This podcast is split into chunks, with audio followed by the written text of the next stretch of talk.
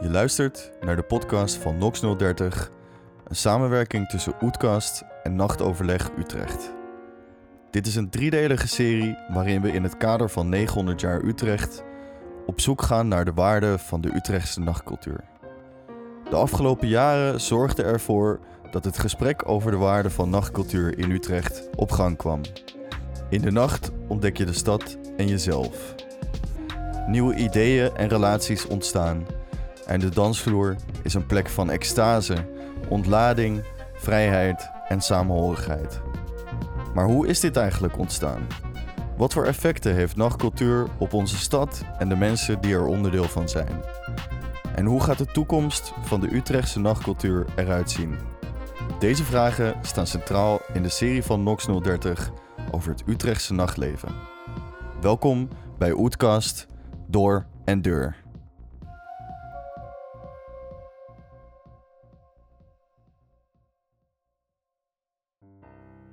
We hebben afgesproken met Arjen de Vrede, bekend als DJ Do Not Ask en medeoprichter van de Urban Dance Squad. We praten met hem over de periode dat House zijn intrede deed in de Utrechtse nacht. De vrije vloer was eind jaren 80 tot in de jaren 90 de plek waar gepioneerd werd op het vlak van programmeren van bands en de stijlen van muziek die gedraaid werden door de DJ's. Arjen was een van deze DJ's en neemt ons mee terug in de tijd. Uh, ja, we staan nu op het dak van uh, uh, Paardenveld. Die ging ik vroeger met mijn slalomdek rondjes trekken. En dan daar zo die spiraal, weet die cirkelweg naar beneden afknallen met mijn skateboard.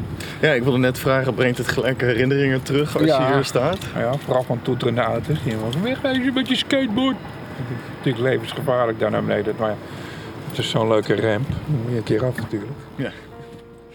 Arjen, een eigenwijze skater met ervaring als DJ in verschillende steden, voelde zich bij de vrije vloer in Utrecht meteen thuis. Het gebouw werd gekraakt door een collectief van kunstenaars en muziekliefhebbers die vorm gaven aan een nieuw tijdperk in het nachtleven. Laten we beginnen met hoe een avond bij de vrije vloer eruit zag. Is wel altijd heel veel eh, kunst en schilderingen en projecties en acts. En verder eh, was het vaak druk. Ik heb toevallig net een uh, videoband, teruggevonden van een van de eerste houseparties. En dan komt er iemand van RTV Utrecht. Dat was de uitzending heb ik dus weer opgenomen van tv toen. Dus mijn moeder had die opgenomen. Die is naar boven komen drijven. Maar dan is er een rij van, eh, van zeker 100 meter en dan gaat die interviewer, eh, die loopt dan eh, van achter naar voren langs die rij van goh, wat is er aan de hand, een nieuwe stroming, wat gebeurt er? En ik kan me herinneren dat we die avond ook de de tent een uur eerder hebben opengegooid. Want die kon die mensen niet laten staan. En, en dat. Zo ging het niet altijd hoor, dat was een echte, toen House zeg die Asset was er, toen die Asset net begon, toen moest iedereen dat horen. En dat was eh, een van de weinige plekken. En het liep hier. Ze zeggen wel dat de Roxy de eerste eh, house en natuurlijk wel de bekendste uiteindelijk waar de meeste grote DJ's hebben gestaan. Maar het was hier eerder eh, vol dan daar. Want was het dan dat het Utrechtse publiek daar eh, al meer trek in had? Want er zijn wel veel verhalen over dat de, de Roxy eh, als, als pionier op het begin nog heel erg leeg was. En dat eigenlijk heel veel mensen niet zaten te wachten op die muziek. Klopt. Wat maakt het dan dat het in Utrecht anders was? Nou, ten eerste denk ik ook weer het karakter van de vrije vloer. Ik heb zelf de eerste Roxy-dagen meegemaakt. Ik draaide vast op de donderdag. En de bedoeling was funk en rare groove. En dat was omdat vrijdag en zaterdag moest die house gedraaid worden.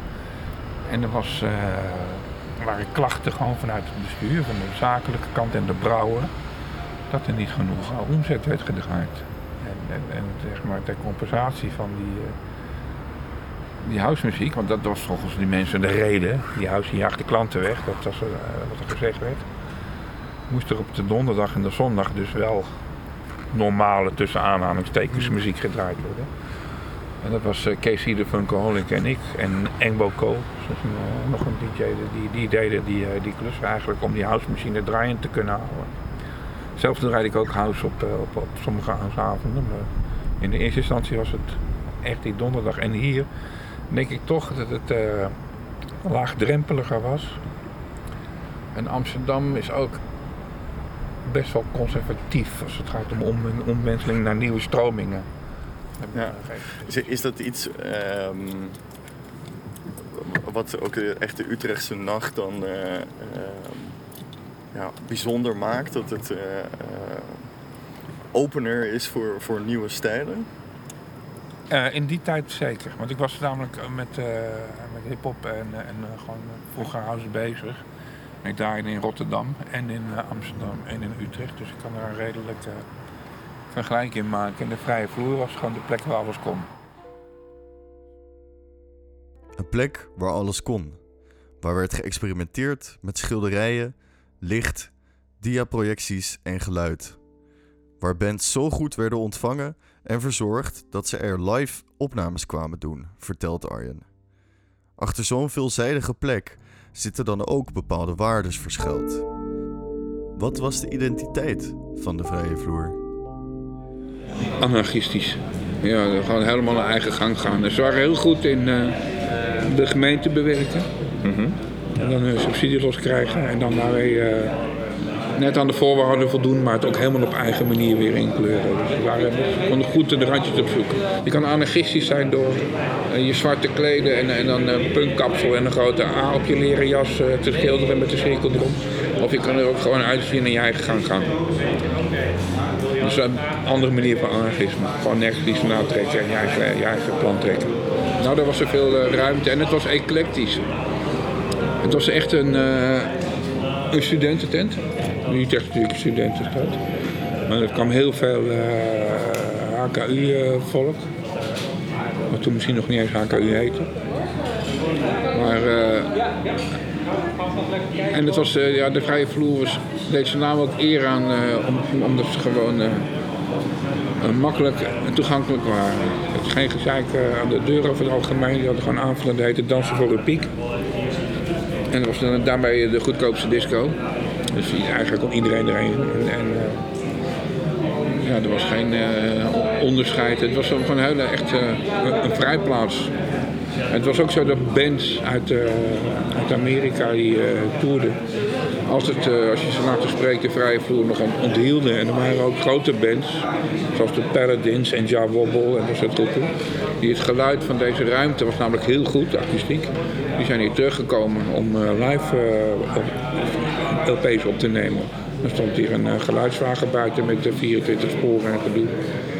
Dat is echt, eh, en, en dat kwam ik net ook al. De Vrije Vloer had ook een, eh, een eigen geluidsmannenopleiding. En die geluidsmannen die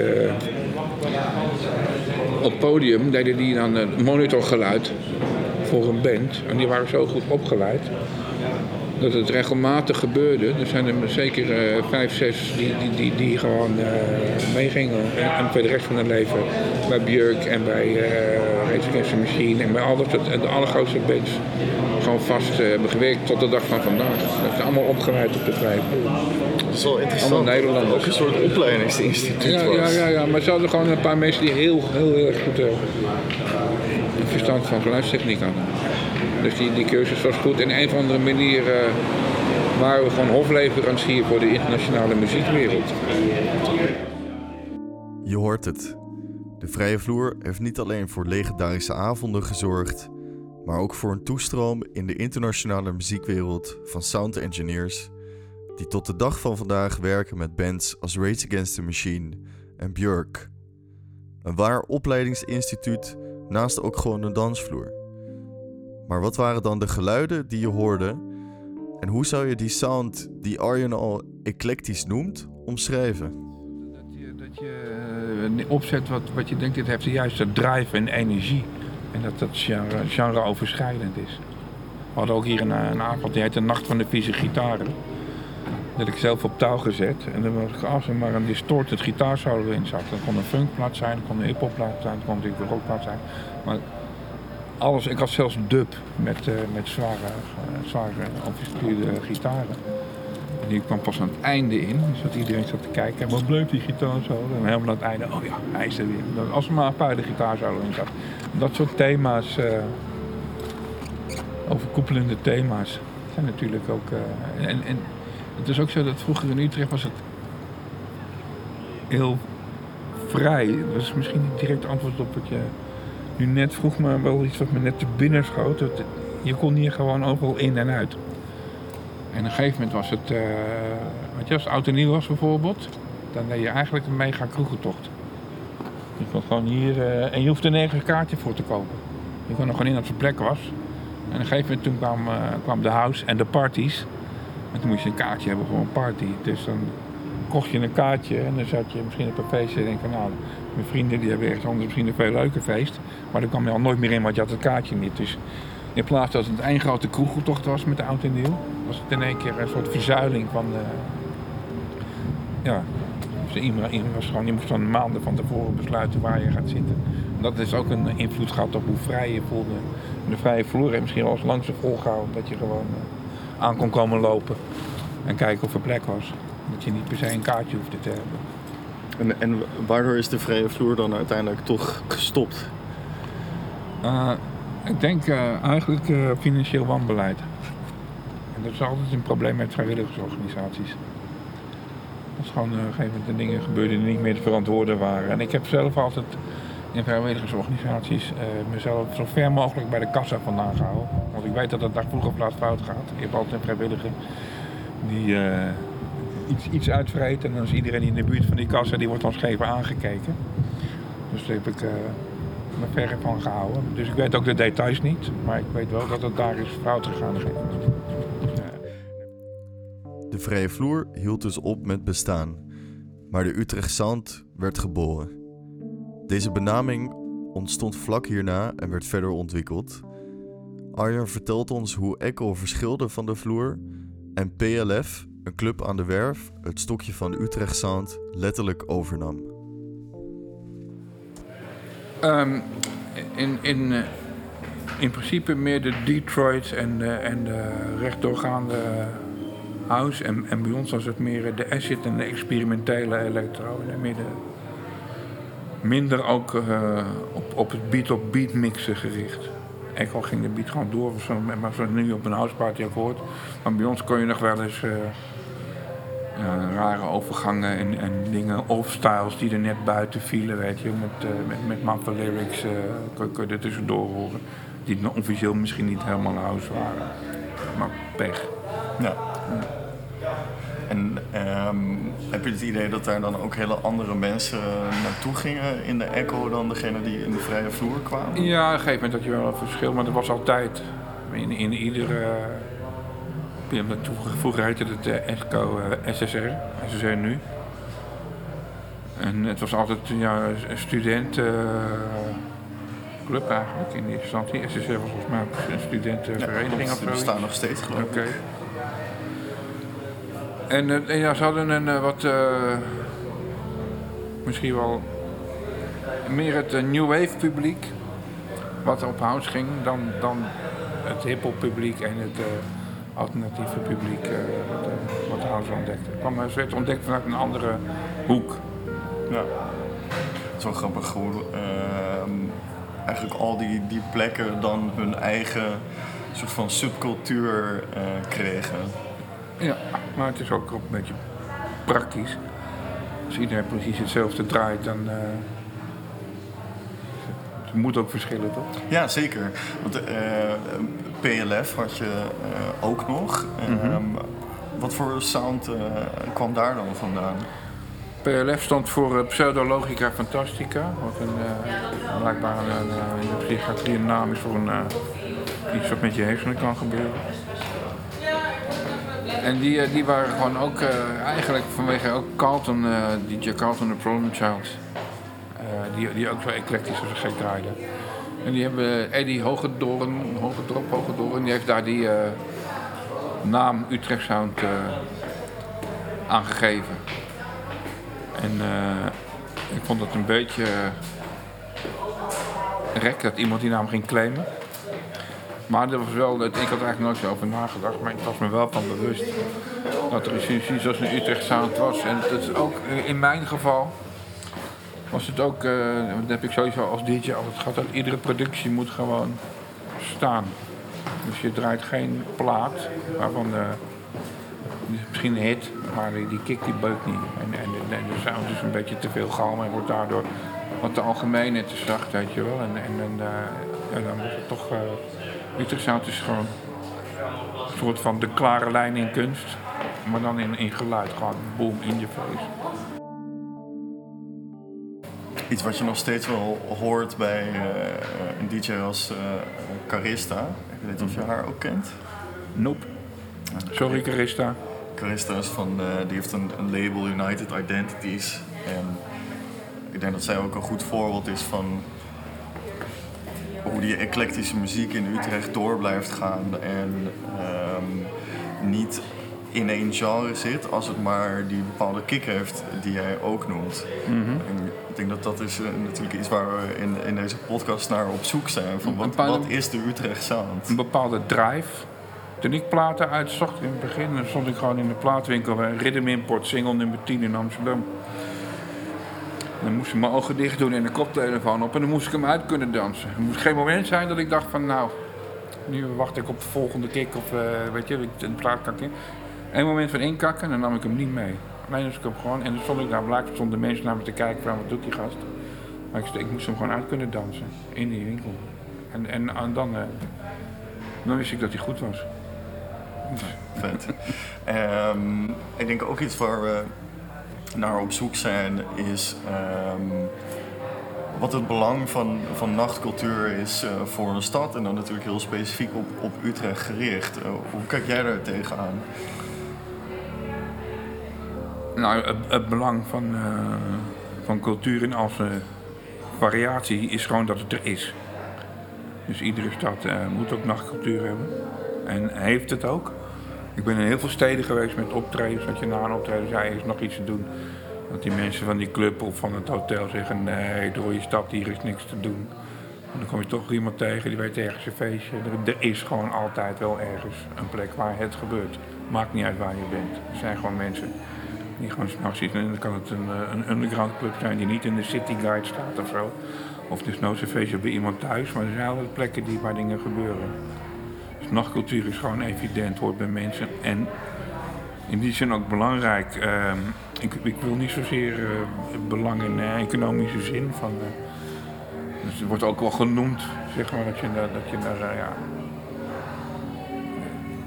dat het stoer is, goed is voor je stad als er een Roxy staat of zo. Dat je in de dance scene internationaal op de kaart staat. Dat soort dingen interesseert me minder. Of misschien dat het wel in die zin belangrijk is voor een stad, maar dat boeit me niet zo. Dus, eh, En wat, wat, wat boeit je wel aan? dat er plekken zijn waar mensen gewoon eh, kunnen manifesteren en eruit kunnen gaan en eh, ze kunnen zijn wie ze zijn. Dat is eh, misschien heel belangrijk. Ja, ik denk dat dat ja, de kern is. En dat wat ik van jou hoorde, de vrije vloer daar ook eh, bijna de uitgelezen plek voor was eh, toen de tijd in Utrecht. Ja. En het is ook eh, grappig dat je ziet dat het nog niet, niet zo'n plek maak je niet. Je kan er nog een keer zo'n gebouw neerzetten. Maar het waren de mensen die, die, die kwamen eigenlijk, die die sfeer maakten. Ondanks dat de Vrije Vloer in 1995 het gebouw moest verlaten, was er in die tijd een nieuwe basis gelegd voor het nachtleven van Utrecht. Waar een volgende generatie van DJ's op kon voortborduren. Paul Nederveen, beter bekend als St. Paul, arriveerde in 1998 in de Domstad vanuit Nijmegen. Hij vertelt ons over zijn eerste indrukken van de stad en het ontstaan van een van de tot op de dag van vandaag belangrijkste pijlers in de Utrechtse nacht, Popomatic. Nou, wat ik heel cool vond, is dat het eh, sowieso allemaal... Ik vind Utrecht in veel opzichten wel lijken op, op Nijmegen, maar het was allemaal gewoon net wat, eh, wat groter en net wat, wat meer. En sowieso Tivoli zelf al, maar ook eh, Echo, daar gebeurden ook allerlei spannende dingen op dat moment. Eh, daar liep trouwens ook al een, eh, een brede avond, eh, de Diep in de Groef, die ook al... heel lang, volgens mij even met een kleine tussenpauze, maar nu ook weer loopt. Maar ook al gewoon vanaf de begindagen van Popomatic ook al, al liep daar. Ehm, en je had die hele scene ook nog wel rondom. ik was als puber heel erg fan van Urban Dance Squad. ik had ook een bandana van Urban Dance Squad op mijn kop. Zag er niet heel erg charmant uit, maar ja, dat moest, want ik was fan. En ik heb Urban Dance Squad ja, ook veel gezien. En nou ja, die hele scene rondom die band en uh, ook weer DJ's die daar weer door beïnvloed waren. DJ DNA zelf, uh, Arjen, die ook nog wel op dat moment op veel plekken draaide. ja, het was gewoon een hele levendige, levendige scene. En ik vond het heel vet om daar onderdeel van uit te kunnen maken. Later ook vrij snel daarna Dum Dum en ook alle uh, er is sowieso altijd veel rondom Simon en Kipski. Uh, Kipski met zijn DMC Championships, waar ik ook naartoe ging. zijn turntablism. Er gebeurde gewoon heel, heel veel. En in de breedte dus. Van, van, van hip-hop tot meer de alternatieve muziek en diep in de groove. Het, het, het, gevoel van de Urban Dance Squad. Ja, gewoon een hele brede scene die ik heel tof vond. Zoals alles gaat als je jong bent, ik was toen nog wel piepjong, overdenk je dingen niet. Daar begint het denk ik bij. Het begint gewoon bij, uh, je doet gewoon wat je zelf het gaafste vindt eigenlijk. Een beetje narcistisch gesteld misschien, maar ik hield zelf altijd al van muziek in de, in de volle breedte. Of dat nou, ja, het is begonnen eind jaren 90 en of dat nou hip-hop was of gitaarmuziek of jungle, drum en bass maakte niet uit. Als het mooi was, dan, dan wou ik het kwijt. En dan luister ik het zelf ook. Alleen ik miste dat zelf nog wel een beetje. Uh, ik kom uit Nijmegen, daar ben ik ook begonnen met, met draaien. En de discotheek waar ik taal heb mogen leren, dat was grappig. Die was de hele week open. En de eerste helft van de week was dan alternatief. Daar werd dan de wat meer uh, de, diepere muziek gedraaid. Dan hoorde je, ja, wat hoorde je dat toen? Gangstar, Tribe Called Quest, maar ook Pixies en Sonic Youth en, en Havana en dat soort dingen. En dan was het weekend was dan wat commerciëler. Daar hoorde je dan de, de, de R&B en de, en, en de house en ook wat meer de pophitjes.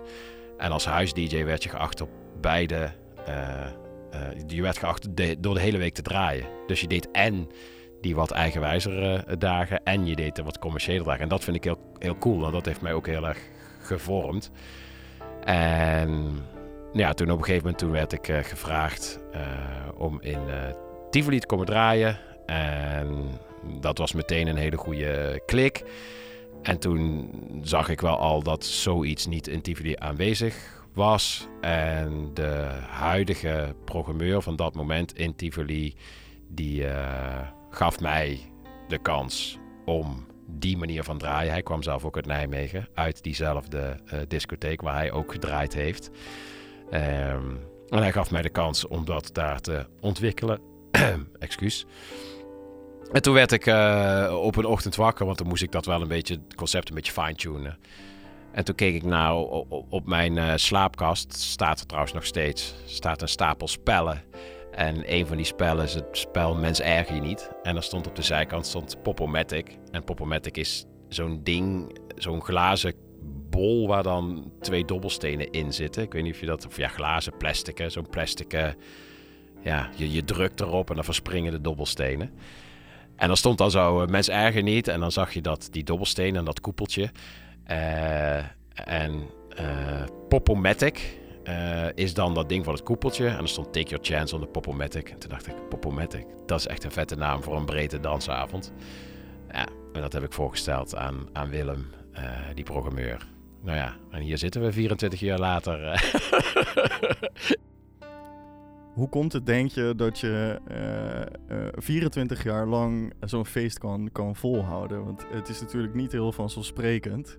Ik denk dat heel veel uh, feestjes worden uitgeprobeerd en dat is een bepaalde tijd relevant. En, en waarom is dat bij Popomatic anders? Ik denk dat het voordeel is, en dat is ook altijd voor mij een, een mantra geweest. Ik heb nooit hip of de heetste of de uh, ja, ik heb nooit. Ik, ben, ik heb nooit druk gemaakt bij je de op, één moment in tijd het hipste feestje. Want dat gaat ook weer voorbij. Ik ben altijd veel meer geïnteresseerd geweest. Hoe kun je iets duurzaams, blijvends uh, neerzetten? En dan heb je natuurlijk het, het geluk of het voordeel van een brede formule. Omdat het een brede formule is, kun je natuurlijk veel makkelijker tweaken. Als jij een, uh, ja, ik, ik, zeg maar wat, een um, mm, RB-avond hebt, dan is het wat lastiger tweaken. Je hebt inmiddels ook wel daar weer gradaties in, maar ja, er ja, precies. En, en het valt wat minder, er valt wat minder variatie in aan te brengen dan als je echt de volle muzikale breedte beslaat. En dat vind ik ook het leuke. Dan draai je natuurlijk uh, in 98 lag zwaartepunt meer bij gitaren bijvoorbeeld uh, dan dat het nu uh, ligt. En omdat je die aan die knoppen kan draaien, kun je gewoon meegaan met de tijd. En daardoor is het wat makkelijker voor deze formule om overeind te blijven dan als je heel, een heel gespecialiseerde avond band of maar één genre vertegenwoordigt. Want als dat dan dat genre een bepaalde periode of ineens niet meer zo populair is, ja, dan, dan houdt het toch op. Ook nog waar zeggen is dat het ook, ook hits en geen hits. Dat is ook een, trouwens een statuut van de Popomatic. Ik heb nooit begrepen, nou ja, nu uh, top 40 stelt niet zo heel veel meer voor. Of van die hitlijsten. Maar ja, nu heb je natuurlijk de, streaming uh, aantallen enzovoorts. Maar toen ik begon met draaien stelde de top 40 nog wel wat voor. En ik heb het altijd net zo onnozel gevonden dat mensen iets uh, cool vonden alleen maar omdat het op één stond. Maar ik heb dat net zo onnozel gevonden als, als mensen die iets stom vonden alleen maar omdat het op één stond. Je vindt gewoon iets mooi of niet. En dat is ook een. Dus hits naast, naast geen hits, dat vind ik ook een belangrijk element van de Popomatic en van die breedte. Uh, voor wat het waard is. Popomatic en Utrecht zijn duidelijk een goede match. Heeft dat met de stad te maken? En hoe verschilt de Domstad dan van andere steden? Ja, ik vind dat ingewikkeld. Het moet natuurlijk niet een, een politieke podcast worden. Maar het heeft wel ook een beetje te maken, denk ik, met uh, dat ook weer Nijmegen en Groningen heeft dat ook. Zijn ook wel wat, uh, wat linksere uh, steden. En over het algemeen bij linksere partijen is er wat meer ruimte voor, uh, voor, voor ontwikkeling in, in de breedte. Of dat nou over muziek gaat of kunst of, wat dan ook. En dat is een hele gezonde voedingsbodem waar ik dan in, in, in terecht kwam. En er zitten ook meer andersoortige studies dan. Zoals, uh, wel, de sociale studies zijn daar ook meer ontwikkeld en meer aanwezig. En dat grijpt allemaal wel een beetje in elkaar. Ja, dat, dus het sociaal-culturele, dat kan je natuurlijk niet loszien van um, uitgaansleven. Ik denk dat dat heel veel invloed op elkaar heeft. en dat is ook wel iets waar we met, met Arjen veel over hebben gehad. Um, dat een plek als de, vrije vloer um, sociaal-cultureel ook wel een hele belangrijke positie uh, innam in Utrecht, waar geluidsmensen zich konden ontwikkelen, uh, lichtmensen zich konden ontwikkelen, kunstenaars terecht konden. Um, eigenlijk al die disciplines bij elkaar uh, zijn gekomen. Ja. Heb, heb jij het idee dat dat in, in Tivoli, toen jij daar begon, ook het geval was? En, en hoe is Tivoli door de jaren heen veranderd? Uh, ja, dat was zeker het geval. Uh, en het is ook enorm veranderd. Ehm, wat ik het goede vond aan Tivoli is dat ehm, ja, al die elementen waren aanwezig. Die culturele basis lag er. Er werkten ook heel veel creatieve uh, mensen.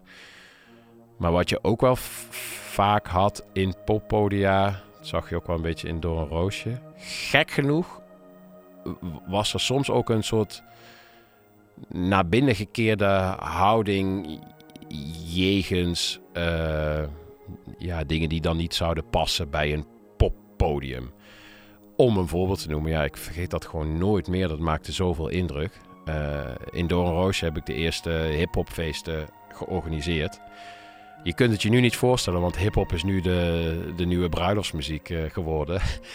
maar toen ging het personeel ging gewoon uit, uit protest weg. Die stopten met werken, die gingen naar huis. Omdat gewoon hip-hop, dat was gewoon. eh, ja, dat was ordi- ordinaire muziek. Dat hoorde niet thuis eh, bij, eh, bij een poppodium. Dat was toch meer.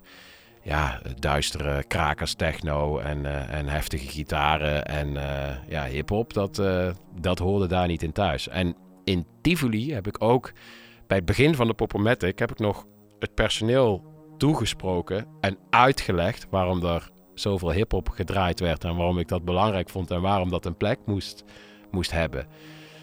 Dus aan de ene kant, ja, eh, er gebeurde van alles, wat heel erg eh, eh, tof was. Ook mensen als Allard, die er nog steeds werkt, die ook vette muziek maakte. Eh, hadden daar ook een, eh, een plek. Waren allerlei huis-DJ's die spannende dingen deed. Maar er was ook een, hou- een soort van houding van... Dit is onze definitie van muziekbeleving. En alles wat daarbuiten valt, zoals hip-hop, laat staan R&B. Dat hoort hier niet thuis. Dat hoort in een discotheek, bij wijze van spreken. En wat ik heel mooi vind, is dat dat eh, langzaamaan eh, veranderd is. En dat het minder star geworden is, wat dat betreft. Want het zijn van punky of alternatief, of hoe je het ook wil noemen, dat kan ook een houding worden die je, die, die, die je lekker past en waarmee je anderen buiten de deur houdt. En ik vind vooral die beweging richting meer inclusiviteit in de volle breedte, die vind ik heel mooi om, om te zien. Paul heeft Tivoli door de jaren heen zien veranderen in een meer open podium, waar ruimte is ontstaan voor een breder geluid. Dit allemaal vanuit het perspectief van achter de draaitafels. Wat is er eigenlijk veranderd voor hem persoonlijk als DJ in deze periode?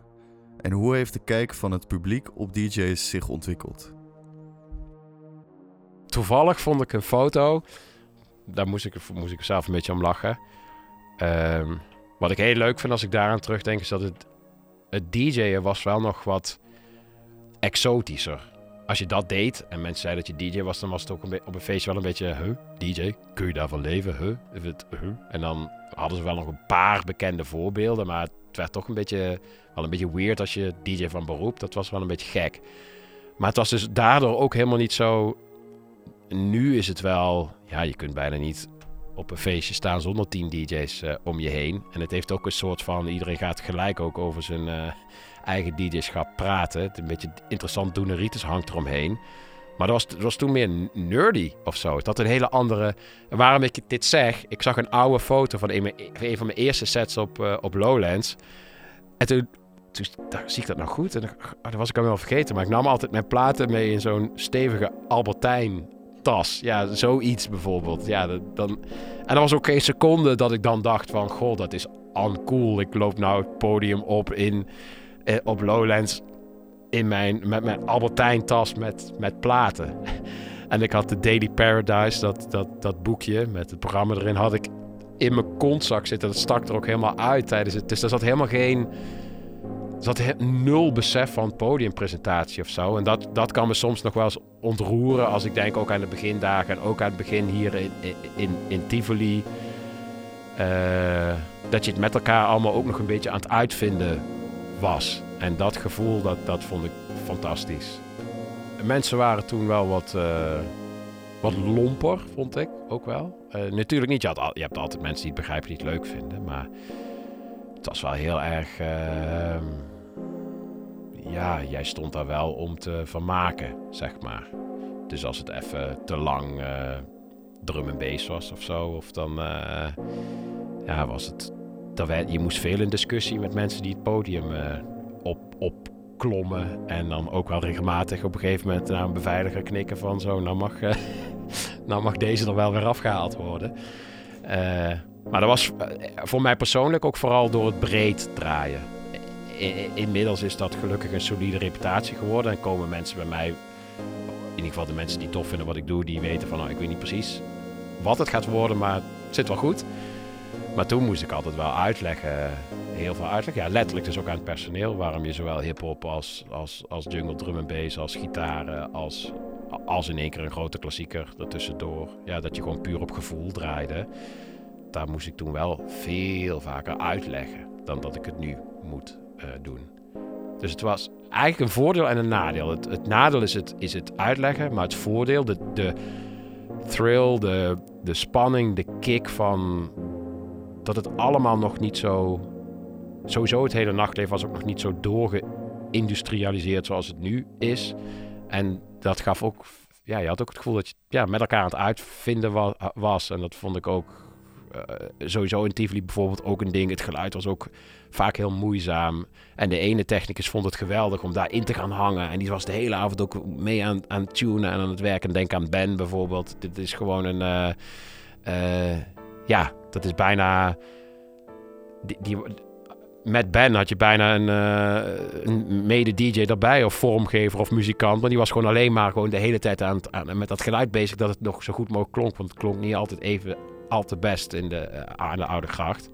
Maar je had ook mensen die hielden alleen maar van concerten. En DJ's, dat had je toen ook nog echt. DJ's waren vaak gewoon uh, een beetje irritant. Uh, die moesten dan ook na een concert zo nodig hun ding doen.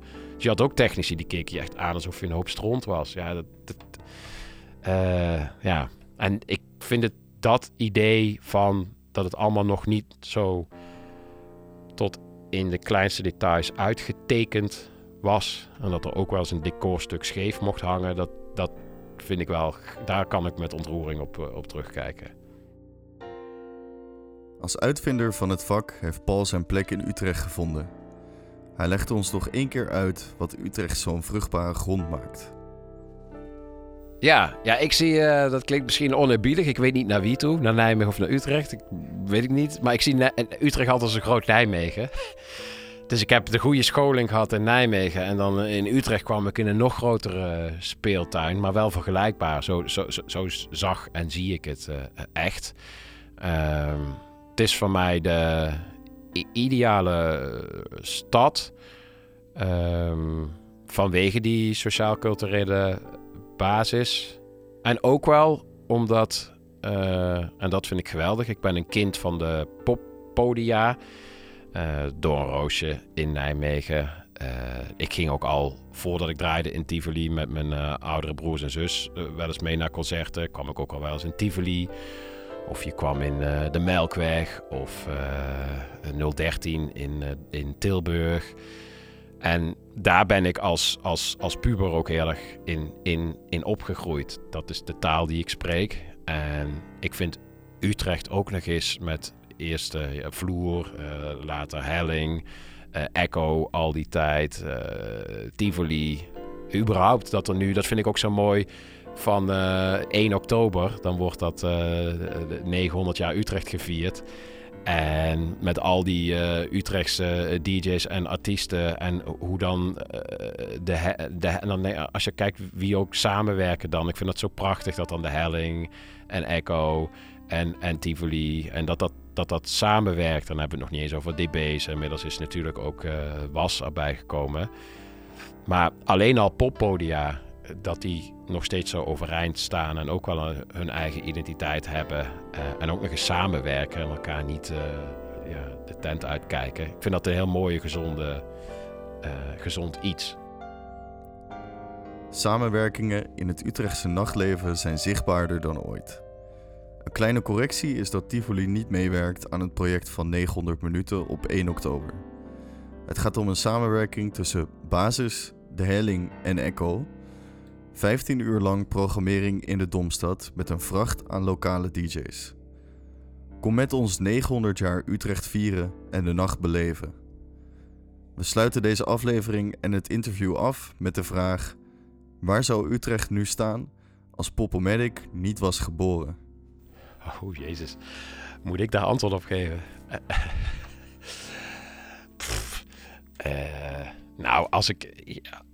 Laat ik zo zeggen wat ik hoop ik hoop bijgedragen te hebben. Dat is mijn, ja, dat is wat ik altijd wil en dat is mijn grootste motivatie. Dat mooie muziek niet aan genres gebonden uh, is. Als ik daarom ook maar een heel klein beetje bij het uh, publieke besef in Utrecht aan heb bijgedragen, dan, dan ben ik al tevreden. We We weten nu waar de basis is gelegd van het Utrechtse nachtleven. Het ontstaan van de Utrecht Sound tot de ontwikkeling van het DJ-vak. In de volgende aflevering gaan we verder met de vraag waarom nachtcultuur belangrijk is. We gaan in gesprek met nieuwe hoofdrolspelers en stemmen die je al hebt gehoord. Bedankt voor het luisteren en tot de volgende aflevering.